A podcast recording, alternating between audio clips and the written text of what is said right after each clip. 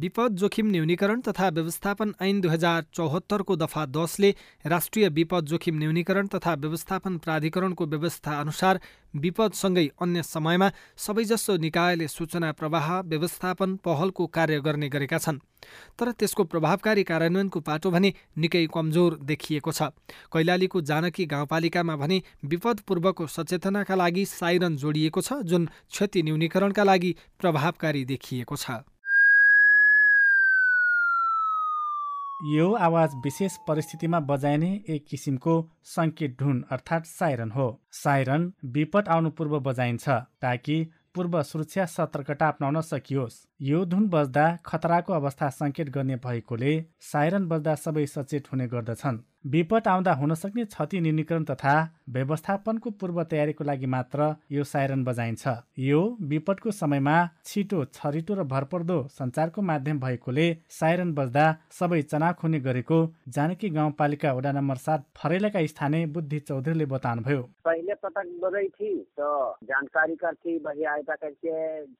जाओ करके दूसरा पटक थी तो बिल्कुल खतरा का लागल करके तीसरा पटक तो खतरा में आए गिर करके तीन तक बजै थी। उस स्थान में भक्ति अपन कागजात लेके सब उस स्थान में चलो करके कथी। सहदे लागत के एक बार सबको अब सुनत सुनत सुन धर ले तो सायरन की आवाज सुनते तो हाँ थनी खतरा में आए लागल हुई रे भागी करके सब जानकारी पाई थी विपदबाट हुन सक्ने क्षतिको न्यूनीकरणका लागि पूर्व तयारी गर्नु विपद व्यवस्थापनको महत्वपूर्ण पाटो हो। यसका लागि विपद आउन सक्ने संकेत बेलैमा पाए धेरै हटसम्म नोक्सानी हुनबाट बचाउन सकिन्छ। यसका लागि जोखिम क्षेत्रमा विपद आउनु पूर्व औधी र पश्चात विभिन्न किसिमका सचेतना साइरन माइकिङ सञ्चार माध्यम सामाजिक सञ्जाल इत्यादिबाट समेत सजग गराइने जानकी गाउँपालिकाका अध्यक्ष गणेश चौधरीले बताउनुभयो। अहिले चाहिँ मौसम विज्ञान विभागले पहिला नै यति गते यति बजे अब यहाँ बाढी आउन सक्ने सम्भावना भन्ने सूचना आउने भएको हुनाले प्रहरी अनि रेड क्रस तिनीहरूसित पनि समन्वय गरेर खोज तथा उद्धारको काम पनि गर्ने गरिएको छ भने विपद सञ्चारलाई अझ प्रभावकारी बनाउन जानकी गाउँपालिकाले विपदको बेला गाउँघरमा बर्गर चिराकी परिचालन गर्ने गरेको छ।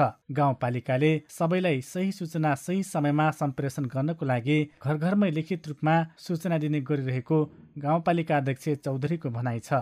विशेष गरी अब थारू गाउँको पुरानो सिस्टम चाहिँ यो बर्गर सिराकी मार्फत सूचना दिने चलन भएको हुनाले त्यस्तो पनि गरिरहेको सूचना अभावले विपदबाट ठुलो धनजनको क्षति नहोस् भनेर जोशीपुर गाउँपालिकाले पनि गाउँ समुदायमा विभिन्न टोल समिति बनाएर सूचना सम्प्रेषण गर्ने काम गरिरहेको छ। उक्त टोल समिति मार्फत विपद सचेतनामूलक कार्य खोज उद्धार सहयोगको कार्य पहिलो प्राथमिकतामा राखेर काम गर्ने गरेको गाउँपालिकाका अध्यक्ष चित्रबहादुर चौधरीले बताउनुभयो। राहत कोषको लागि कस्तो छ भनेपछि अब पैसा तत्कालै नभए पनि तत्कालै एक्सन लिने जस्तै यसपालि आएको थियो अब आज आयो रातिमा आयो राति आएपछि बिहान तत्कालै कुन ठाउँमा कस्तो छ अवलोकन गरेर त्यो ठाउँलाई के कस्तो सहयोग गर्न सकिन्छ त्यो हिसाबले सहयोग पनि गरेको हो। विपदको बेला समयमा सही सूचनाले आम नागरिकको जीवधनको मात्र सुरक्षा नभई सम्बन्धित निकायको ध्यान आकर्षणमा सहयोग पुग्ने गर्दछ।